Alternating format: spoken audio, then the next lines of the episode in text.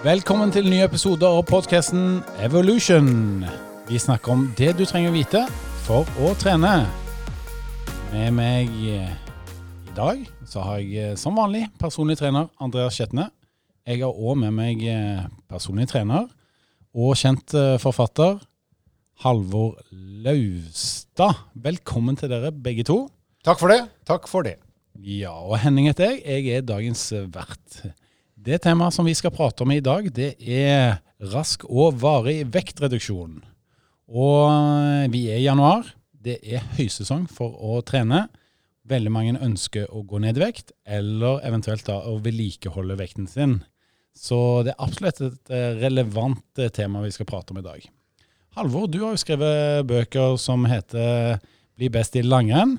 Skulle man nesten tro, men det er jo bli best i, på Birken, da. Men du har òg skrevet bøker om eh, fettforbrenning. Ja, slanking, fettforbrenning, vektreduksjon. Man kan kalle det hva man vil, men poenget er å komme seg ned i vekt kjapt og bli der. Mm. Eh, Det første punktet som jeg har lyst til å snakke om i dag, eh, personlig trener Andreas, det er skape kaloriunderskudd. Når jeg sier ordet kaloriunderskudd, hva, hva dukker opp i hodet ditt da? Nei, det, man pleier jo å si at uh, i utgangspunktet så er det enkelt, men uh, gjennomføringa er, uh, er vanskelig. Det å forstå det teoretiske prinsippet, det, det er ganske enkelt. Det handler om å spise mindre enn det du bruker. Det betyr at hvis du oppsummerer alle de kaloriene du putter i deg gjennom den maten du spiser eller det du drikker, så skal det da være mindre enn det du bruker. Men for å kunne regne ut det, så må du ha litt innsikt i, i det du gjør, da. Du hadde jo noen strålende metaforer i forrige episode, så, så eh, hvilke metaforer kan man ha for dette her med å gå i underskudd da? Jeg begynner å tenke økonomi jeg med en gang, sånn som du hadde et par eksempler på sist her i forhold til å trene tidlig på dagen, ikke sant? Som vi diskuterte i forrige episode. Og tenke da at eh, da er man eh, som at man da har debit, eh, debitkortet unnagjort, istedenfor å måtte trene på kvelden når man har spist en del, og kan kalle det da for kreditt, kredittkort. Eh, Har du noen gode, gode metaforer her for, for underskudd? Ja, jeg pleier å si at uh, det å gå i, i minus, da, eller det å gå uh, i underskudd av kalorier, det kan du se på som en, en bankkonto. Uh, der det handler om at du eh, skal ta ut mer penger enn det du har på kontoen hele tida. Så du skal gå i minus. Så hvis du, Du skal sier bli eh, gjeldsslave. Du skal bli gjeldsslave. Du skal rett og slett på inkassovogna. Eh, og det er samme om du bor på beste vestkant eller om du bor på Oslo øst. Så eh, er det sånn at eh, det du har på bankkontoen, det skal du bruke opp.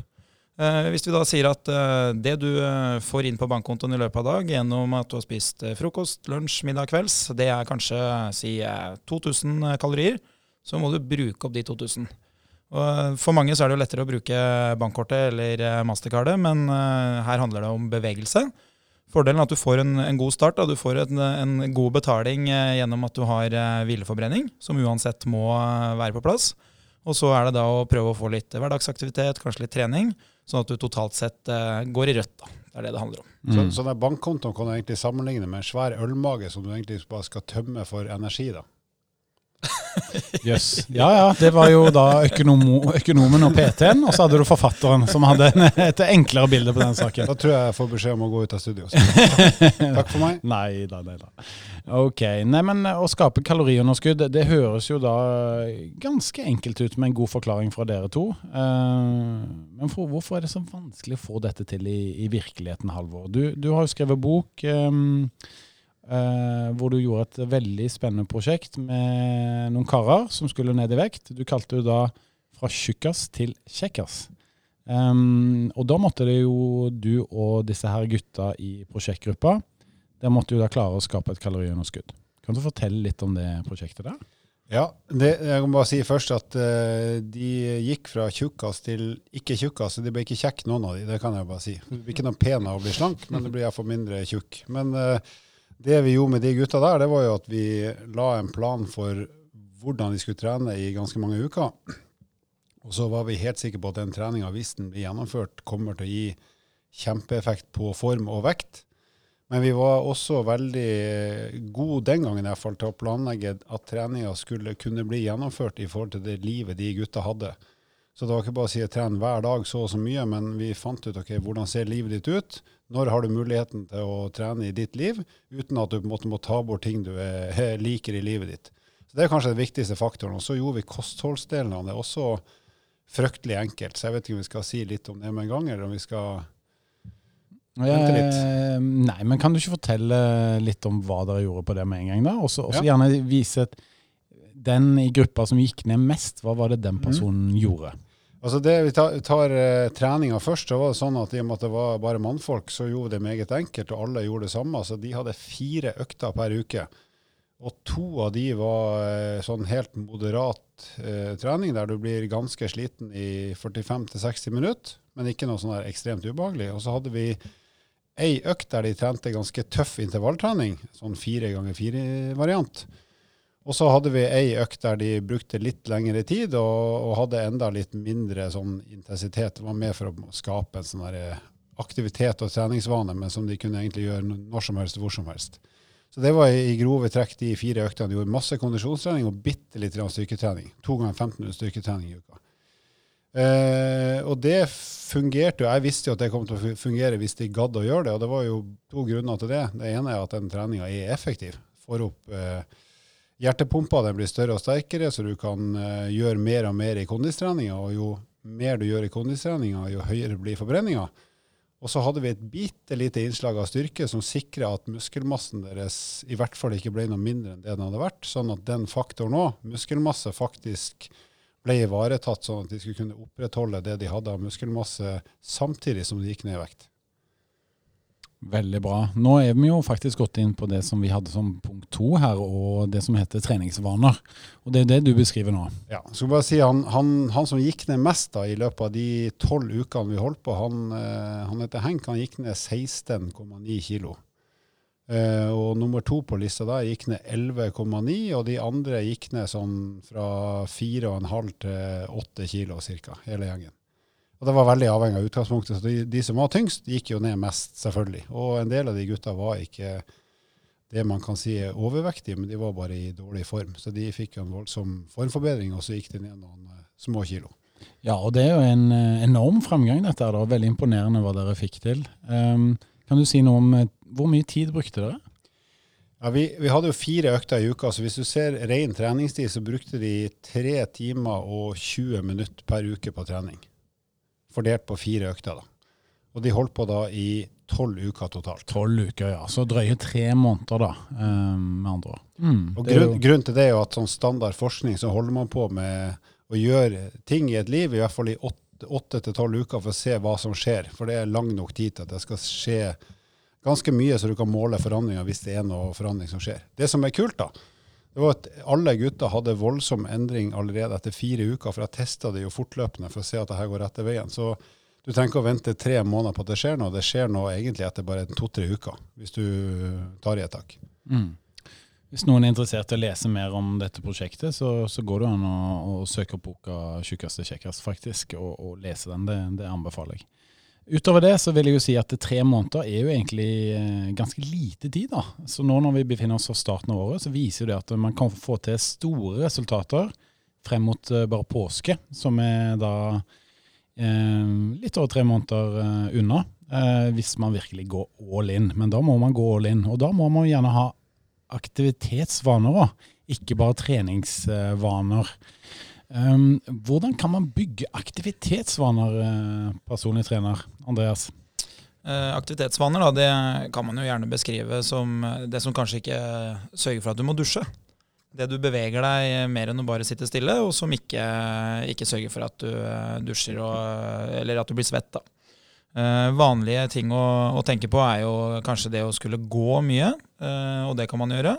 Eh, man kan jo gjøre husarbeid òg. Alt dette her eh, er jo da i, i det man kaller for daglig aktivitet. Andreas, hvilke forutsetninger har du for å snakke om husarbeid? Jeg har sett mye husarbeid. Bare, bare, bare til info, Andreas har en leilighet på 13 kvadratmeter. Og han leier inn vaskefolk. Av all respekt til hun hjemme, så, så må jeg vel si at den er betraktelig større enn 13. Og det gjøres husarbeid av noen eh, hjemme hos oss som ikke er meg. ok, men uh, det går an å gjøre husarbeid som en del av eh, aktivitetene man, man legger inn i hverdagen, da. Ja, og mm. det som man kan si, da, det er at et godt mål på eh, aktivitet kan f.eks. være en skritteller. De fleste har da skritteller på klokka si, eller om de har aktivitetsbånd.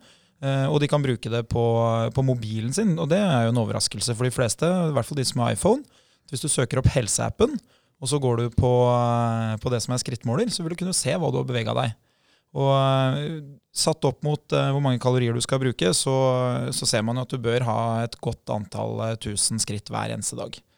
Og de kan jo komme fra at du har gått, eller at du har bevega deg på en annen måte. Jeg tenker at hvis du har lyst til å gjøre noe hver dag som er bra for helsa og vekta og alt, så prøv å lete etter noen muligheter til å være aktiv. Altså ikke sånn med treningstøy, men, men hvordan, når i livet ditt kan du være aktiv? Eksempelvis ta eh, bussen ett stoppested tidligere når du skal til og fra jobb. Da må du gå litt. Eh, kan du f.eks. Har du unger som driver på med idrett, istedenfor å sitte og spise Maryland cookies og drikke ræva kaffe på tribunen, ta nå og rusle deg en tur. enten langs håndballbanen eller hockeybanen, eller gå ut. altså Gjør noe annet enn å sitte stille. Eh, så prøv å lete etter litt sånne muligheter som egentlig ikke legger beslag på ting du liker å gjøre i livet, men som bare gjør at du får en litt bedre fysisk opplevelse av de tingene du gjør uansett. Veldig bra punkter uh, fra begge to. Takk for det. Jeg har jo da et uh, tips fra meg også, som har jobbet som PT i mange år. og det For de av dere som jobber mye, eller studere, for den saks skyld, så har jeg kjørt en sånn anbefaling for de som jeg har trent, da, at man da kan ha gåmøter. Så hvis du skal ha et møte, enten med en kollega eller en medstudent, gå gjennom noen ting som kan prates da muntlig, hvor man ikke trenger PC eller å notere noe, og man faktisk tar møter hvor man går en time, altså.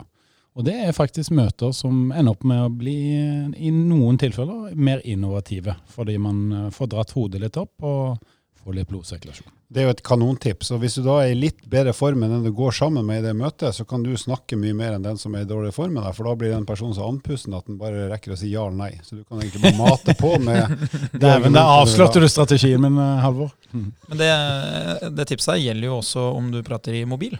Så hvis du skal ta noen telefonsamtaler, knytt på deg et par sko, putt i ørepropper og ta telefonsamtalen mens du går. Eller om du velger å høre på lydbok eller podkast eller radio for den saks skyld. Så benytt muligheten til å flytte på deg mens du gjør de tingene. Mm. Du, eh, Mens vi snakker om aktivitetsvaner, så har jeg her et eh, spørsmål fra en lytter. Som faktisk, eh, når jeg satt og forberedte meg i morges, så ser jeg nå at det spørsmålet det, det er veldig aktuelt for i dag. Her er da en som heter Knut som eh, spør om er det stor forskjell om jeg da eh, står på jobben eller om jeg sitter på jobben. Har det mye å si i forhold til kaloriforbruk? Uh, ja, nå er det jo sånn at um, En studie har jo vist da, en, en, stor forskjell på det å skulle reise seg hvert 20. minutt kontra det å sitte hele tida. Og Det har stor påvirkning på blodtrykket, uh, og kan jo da igjen ha stor påvirkning på, på sykdomsrisiko. Så eh, jeg vil jo absolutt anbefale alle å stå mest mulig. Det koster mer for kroppen å stå enn å sitte og ligge. Så hvis du f.eks. sjekker uh, pulsen din, så vil du se at den er større eller da høyere når du står enn, uh, enn når du ligger eller sitter. Men, men, husk på at du blir ikke i god form av å stå, men det er bedre å stå enn å sitte. Men uh, hvis du sitter, så gjør gjerne det, men ta og rusle litt i gangene av og til, så du får bevega deg litt per time. Ja. Veldig bra. Vi har gått gjennom skape kaloriunderskudd. Vi har snakket litt om treningsvaner gjennom Halvor sine eksempler, eh, praktiske eksempler eh, fra hans prosjekt eh, Kjekkas og tjukkas. Nei da, det var omvendt. Skulle se om dere hang med på den. Eh, og lage aktivitetsvaner. Vi skal òg ta nummer fire her nå, som da er en viktig faktor for å lykkes med å skape vektreduksjon eller vedlikeholde vekten. Det å spise mat du liker og er vant til. Det høres jo egentlig mer ut som en måte å gå opp i vekt, vil jeg si. Ja, og det kan det jo fort være, i og med at man har gått opp i vekt med å spise ting man liker i veldig mange år. Men da har man spist for mye av det. Hvorfor ser du på meg? Ja, For at du er endelig i gang med å gjøre noe med kroppen din. Takk. For de som hører på, da, så han Holm alltid hevda at han veier 88 kilo. Eh, og han har alltid veid 94 til 98. Eh, ved siste innveiing 1.1, når han skulle slutte med styrketrening, så var du på 96. Ja. Så han, eh, der fikk han døra greit i trynet. Men uansett, da, fra spøk til side. Så eh, det å spise ting du liker eller er vant til, da slipper det å redusere matinntaket og bli noe sånn veldig stor revolusjon. For hvis du skal begynne å spise ting du ikke liker eller ikke er vant til, samtidig som du skal spise litt mindre enn før, så kan det hende at du ender opp med å prøve å spise ting du syns smaker vondt. Og det er jo ingen som syns det er noe kult, i hvert fall ikke over tid. Så ta den, den, maten du er vant til og trives med i dag, men kanskje juster litt ned på totalinntaket, sånn at uh, du kan skape det kaloriunderskuddet han Andreas snakka om her uh, for et kvarter siden. Og Et uh, godt tips der da, det er at det, det er vanskelig å føle seg fram til hva som er bra. Både når det gjelder matinntak og når det gjelder trening.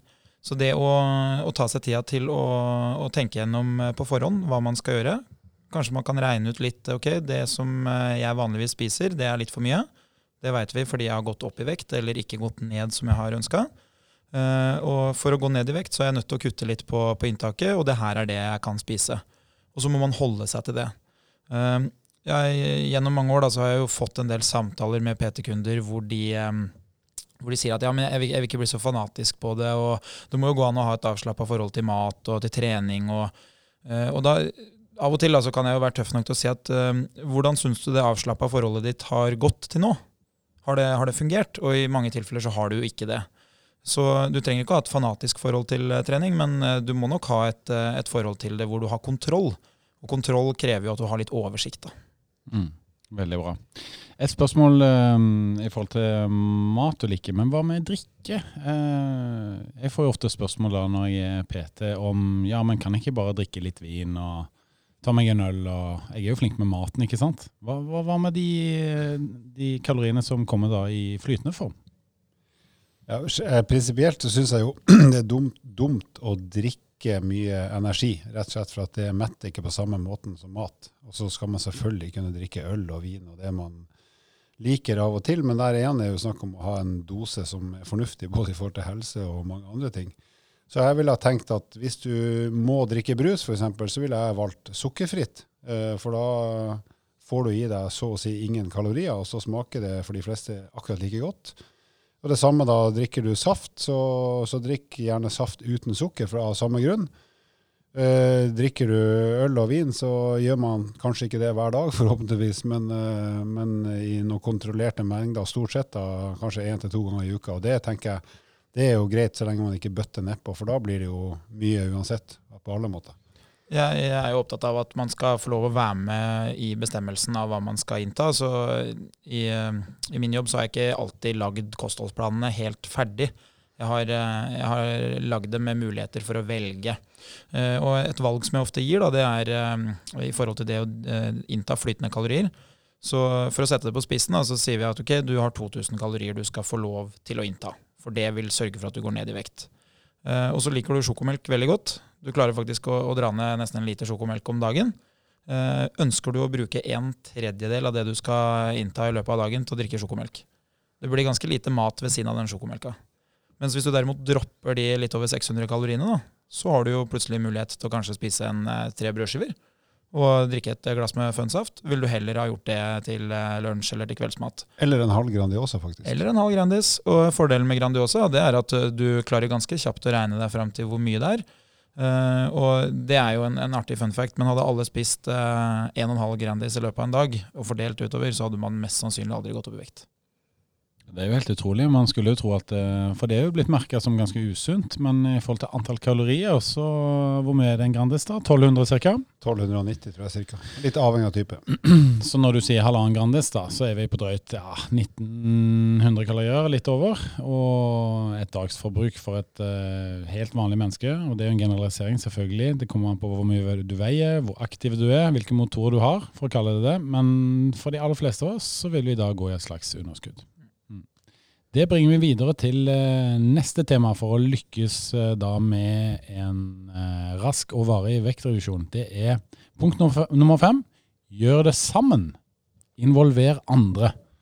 Halvor, du er en enstøing, trener mye alene, men uh, hvis du skal gå ned i vekt, så er det jo kanskje litt kjekkere å gjøre noe med andre? Hvis jeg skal gå ned i vekt, skal jeg dra med mange i det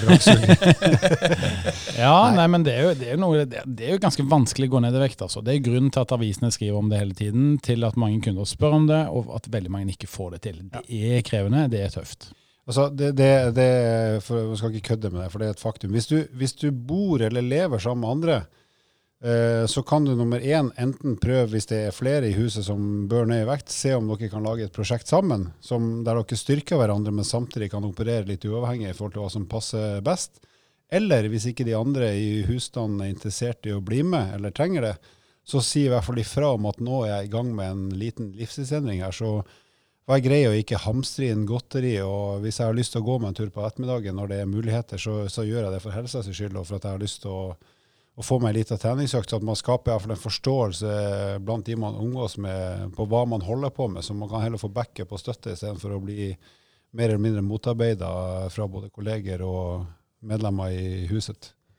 Og en, en, trist opplevelse jeg hadde under studietida på, på idrettshøyskolen for en tiårs ti års tid siden, var jeg var på utplassering i Asker, på Friskvernklinikken. Og da hadde jeg ansvaret for en eh, overvektsgruppe for barn. 20 barn. Og eh, en kveld så skulle vi ha foreldremøte. Og da er det jo alltid litt spennende å se hvordan ser foreldrene til de 20 overvektige barna ut. Og alle er overvektige. Og det viser bare hvor vanskelig det er å skulle på en måte leve et isolert liv i et fellesskap. da. Nå har jo ikke barn ansvaret selv for inntak av mat, men det viser bare hvordan det smitter over. Så, så hvis du først bestemmer deg for at um, det du skal gjøre nå etter uh, nyttår, er å endre livsstil, så må du enten sette klare premisser for at uh, her kjører jeg eget løp, eller så bør flere være med på det. Fordi uh, det å ha tilgang til raske og enkle kalorier, det gjør utfordringa langt større. Mm. Jeg hadde jo en PT-kunde, altså dette er ikke like alvorlig som det du beskriver, eh, som er en del av ja, fedmeproblematikken i Norge og egentlig i resten av verden. Um, det er jo at uh, Jeg hadde en PT-kunde som slet med at uh, han uh, skulle da ned i vekt, men hver kveld når han satt på, sofaen, og han elsker smågodt og øl. Og fruen, da, som ikke var med på dette prosjektet, um, hun satt jo da og spiste smågodt hver kveld. Og det å ha dette smågodtet opp i ansiktet eh, når han så, så satt og så på TV 2 og NRK, og dette var vel før Netflix kom, så, så syntes han det var veldig krevende og vanskelig. altså. En eh, relativt god venn av meg, i hvert fall i den grad jeg har venner, han, eh, han slanka seg rett og slett ved å gå og legge seg klokka 21.00 hver dag. For det var i hans liv fra klokka 21 og utover han begynte å se på alt mulig drit på TV og spise all mulig dritt. Så han fant ut at jeg eter 60% av energiinntaket mitt er fra klokka 21 til eh, midnatt hver dag. Det kan jeg ikke fortsette med. Så da gjør jeg det enkelt. Jeg går og legger meg, for jeg klarer ikke å ete i søvne. Og det har funka for han. Og det handler jo om eh, rangering av, eh, av, hva du ønsker å oppnå. ikke sant? Så Hvis det å gå ned i vekt er noe du virkelig ønsker, og du setter det høyt på lista, så kan det hende du må ta noen drastiske valg. Og mm. Eh, da kan det være smart å tenke gjennom det på forhånd, som vi snakka om i stad. Sånn generelt sett, hvis du skal ned i vekt, så det, det, må, det er ting som må ofres. Ja, For å trene da, så må du ta én god avgjørelse i løpet av dagen. Men for å gå ned i vekt så bør du ta jækla mange gode avgjørelser hele tida. Mm. Fordi det vil være så mange muligheter for å bomme. da. Mm. Veldig bra. Um, vi har to punkter igjen. Det første er korte og langsiktige mål. Nå har jo dere servert ene gode tipset etter det andre her. Men hvis man da skal lykkes med en vektreduksjon, eller da vedlikeholde vekten sin, hvis det er det som er målet ditt, eh, hva er gode kort, korttidsmål og langtidsmål. Vil du ta kort tid, eh, Halvor? Ja, mitt tips er å Man skal selvfølgelig ha langtidsperspektiv. for jeg, Hvis jeg spør noen hvor lenge har du lyst til å være i god form, så er det ingen som sier ja, bare i fire uker, så driter jeg i det. Alle sier jo resten av livet. Ikke jeg. Nei, men du dreit jo i det nei, da, før internett. Det er et godt poeng. ja. så, så, det er liksom perspektivet til alle. Men når du skal begynne et prosjekt med deg sjøl, eller sammen med andre, så er det jo greit å definere at dit har jeg lyst til å komme, men også uh, hvor fort kan jeg se endring. Som, som mitt når jeg jobber med mennesker som har lyst til å skape endring, så prøver jeg å si OK, hvor skal vi være om fire uker? For fire uker er veldig kort til. Altså det er 28 dager, det. Og det er så nært forestående at alle gidder å prøve i fire uker. Og hvis vi da klarer å nå et mål vi har blitt enige om, som da selvfølgelig er realistisk, så er det litt kulere å jobbe seg mot det målet først, enn å tenke at om ett år eller to år skal jeg være sånn og sånn. Så det er mitt sånn første tips. Sett deg et kortsiktig mål som du klarer å nå med de tiltakene du har uh, tenkt å gjennomføre. Ja, jeg er helt enig. Det, det er mye lettere for uh, de fleste å se for seg at uh, den dagen uh, bjellene ringes inn til påske det, bjeller ringer i påska, det vet jeg ikke. Men, det er til jula, det, Andreas. Det er til jula. Men uh, idet du tar deg påskefri, da, om det er fredagen før påske eller om det er onsdagen, så da er deadline for de målsetningene du har sagt deg, satt deg. Og da er det jo også mulig å finne ut ok, hvor mange uker er det fram til påske. Uh, hvis vi bruker da en fornuftig vektreduksjon, som er en halv kilo, så er det mulig å finne ut av hvor mange kilo du kan forvente. Halv kilo i uken? Uh, halv kilo i uka. Ja. Og en, en, veldig grei måte å, å, se på vektreduksjon, det er å f.eks. finne seg ett fast tidspunkt hver uke som du veier deg, gjerne på morgenen, og så skrive ned det tallet. Og da er det sånn at I starten så kan det hende du går ned mye, det kan også hende du går ned veldig lite i starten. Men jeg pleier å si at hvis du har tre uker hvor du ikke har gått ned, da må man gjøre tiltak. I tillegg så er jeg også fan av at hvis du har gått ned mye i starten, men ikke går ned så mye etter hvert, så kan du hele tida dele de antallet kiloene du har gått ned, på antallet uker du har holdt på. Og idet du begynner å havne under 200 gram i snitt, da bør du gjøre tiltak. Men hvis du f.eks. går ned da, si tre kilo de første to ukene, og så får du deg et par uker hvor du ikke går ned, og snittet er en halv kilo i uka, ja, da, da er du på veldig, veldig god vei. For det er jo ikke sånn at uh, kroppen faktisk er en bankkonto. Det går litt i, i rykk og napp. Og det kan også være at uh, innsatsen din går litt i rykk og napp. Så bare et lite tips i forhold til Man blir jo litt sånn opptatt av om å veie meg, veie meg, og det kan være uheldig på mange måter. Men, men, selvfølgelig er det et mål på vektnedgang. Men da ville jeg tenkt vei deg én gang i uka. Hvis du klarer å disiplinere deg til maks én gang i uka, og da veier deg da på samme dag og samme tid hver gang, sånn at det er sammenlignbart. Så ikke vei deg én på morgenen én gang, og så på kvelden en annen gang. For da har du helt annen forutsetning for å sammenligne eh, vekta di. Ja, og så ville jeg gjort én ting til for å bare dobbeltforsikre meg om at det går i riktig retning. Det er at eh, jeg ville ha hatt et målbånd, og så ville jeg målt rundt magen, ca. rett på navlen. Og så ville jeg skrive ned det tallet som står der. Og så er det sånn med vekt at uh, det kommer jo an på utgangspunktet her. ikke sant? Så gjerne ta deg en sånn kroppsanalyse som det finnes rundt omkring på det, i hvert fall alle EVO-sentrene finnes det en kroppsanalysemaskin, og da kan man kjøpe en slik, uh, slik time. Da får du gjerne et objektivt bilde på vekt. Da. For Pass på at eh, det er ingen andre som skal styre hva du skal veie, det bestemmer du selv. Og så kan den skalaen si litt om hva som er fornuftige skalaer ligge på sånn helsemessig i forhold til vekt. Da. For det, det, er helsa som er det viktigste her, og gjerne ikke utseende. Utseende får komme seg med bonus, tenker jeg da, men det er bare min eh, personlige mening. Det har aldri skjedd med meg. Jeg har ikke blitt noe penere. Nei, det har ikke det, nei. nei men du løper litt fortere. En sånn, håret. en sånn enkel, enkel ting for, for, gutter da, er at man ofte pleier å si at uh, den høyden du har etter den første meteren, det kan du veie i vekt. Så hvis du er 1,80, så kan du få veie 80 kg, og er du 2 meter, så kan du få veie 100 kg. Og så kan du selvfølgelig få lov å veie både 110 og 90, men, men det viser litt sånn hva som er forventa, og hva som kan være sånn helsemessig fornuftig å, å veie. da. Hørte du det, Henning? Jeg skal, jeg skal regne litt på det der. Skal du bli kortere? Skal bli kortere, ja. Eller jævlig lang. Veldig bra. Vi har kommet til siste punkt vi på lista vår. Det er punkt nummer syv. Det er treningsprogrammer. Og der vet jeg at eh, du, Halvor, du har gjort en liten innsats for å gi lytterne våre um, noen gode treningsprogrammer som de kan uh, ta med seg videre. Yes, Da bruker jeg de programmene som har funka best for de som har lyst å begynne å gjøre noe med livet sitt nå, og som ikke nødvendigvis har enorm treningserfaring. Da begynner jeg med to treningsøkter for de som i utgangspunktet skal gå, altså ikke er i stand til eller vil løpe, men vil begynne med å gå. Og da er første økt som følger. Da skal du gå, du tenker å ha på deg treningstøyinga, men da skal du gå sammenhengende i 30 minutter. Uh, gjerne tre eller fire ganger i uka, men du går sammenhengende i 30 minutter. Men uke for uke så legger du på ett minutt på den gåturen, helt til du kommer opp i én time. Så i uke to så er du på 31 minutter, og i uke tre så er du da på 32 minutter. Så for hver uke så går, legger du på ett minutt. Men når du kommer opp til 60 minutter, så er det sannsynligvis det så det holder for de fleste. Og da kan du fortsette å, å gjøre det, men da skal du se klarer jeg å gå lenger nå enn i forrige uke. Uh, for da har du beviselig gjort en enda større innsats og kommet i enda bedre form og skapt en litt høyere forbrenning.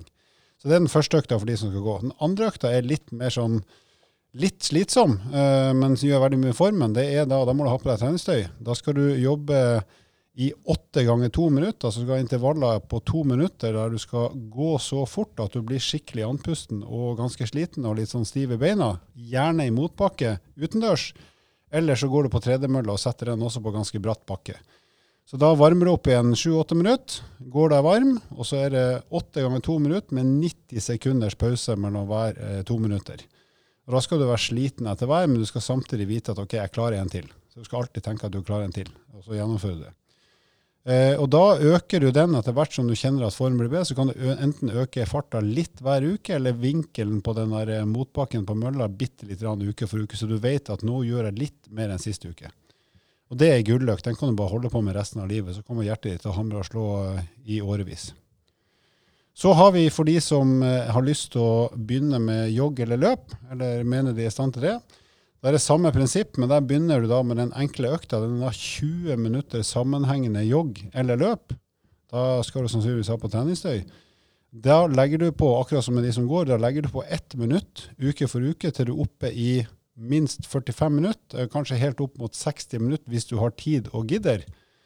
Eh, men når du kommer til måte, det taket på antall minutter du vil legge inn i den treningsøkta, så må du da se kan jeg øke farta for å komme lenger per økt. Per 45 minutter eller per time. Det er basisøkta. Og så har vi, akkurat som for de som går, så skal du ha en åtte ganger to minutters-økt der òg, men da skal du ha løpe så fort at du blir ordentlig andpusten, litt småstiv i beina og har høy puls. 90 eh, sekunders pause. Og der òg enten tredemølle, eh, flat eller litt motbakke, men samtidig fort nok til at du løper. Eller så kan du løpe ute flatt eller i slak motbakke. Det er ikke så viktig. Men du skal i hvert fall løpe med høyere fart enn det du gjør i den eh, langturen som varer opp mot tre kvarter en time. Og så der, legg på litt hver uke. Enten litt høyere fart, litt brattere bakke, sånn at du vet at jeg alltid har gjort litt mer enn siste uke, sånn at jeg utvikler hjertet og formen av kondisen og forbrenninga hver eneste uke. Og da har du sannsynligvis et, i hvert fall fysisk sett, et ganske godt liv i vente. Det her er jo kjempebra forslag, så for de av dere som ønsker å prøve det, så er det jo bare å spole tilbake til den økta du ønsker å gjennomføre. Høre på den, skrive ned på et ark, og så har du full kontroll på det. Ja, men eh, Halvor er jo en av de fremste skribentene vi har inne på Evolution, så jeg har en utfordring, jeg. Og det er at eh, det er deg, Halvor, at du lager en liten artikkel om dette, her, og så publiserer vi den på Evolution på fanen som heter treningsprogrammer inne på eh, Evolution-bloggen. Ja, og det Vi kan gjøre er at vi kan legge til to økter til. For jeg har to kjappe, enkle økter som jeg liker å utfordre med. Den ene økta den heter femkamp. Og det er da fem forskjellige kondisjonsapparater i ti minutter. Så det betyr at du går på mølla i ti minutter. Du eh, bruker ellipsemaskina i ti minutter, du bruker romaskina i ti minutter, du bruker stakemaskina i ti minutter, og så avslutter du på sykkel. Da har du 50 minutter. Men du har bare 10 minutter per, så det blir ikke så kjedelig som det mange tror.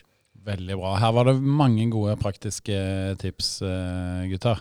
Ja, og så har jeg en, en siste rask en, og det er den som sjekker om formen blir bedre. Og det Du gjør da, du knytter på deg skoa hjemme, du kan gå, du kan løpe, du kan sykle.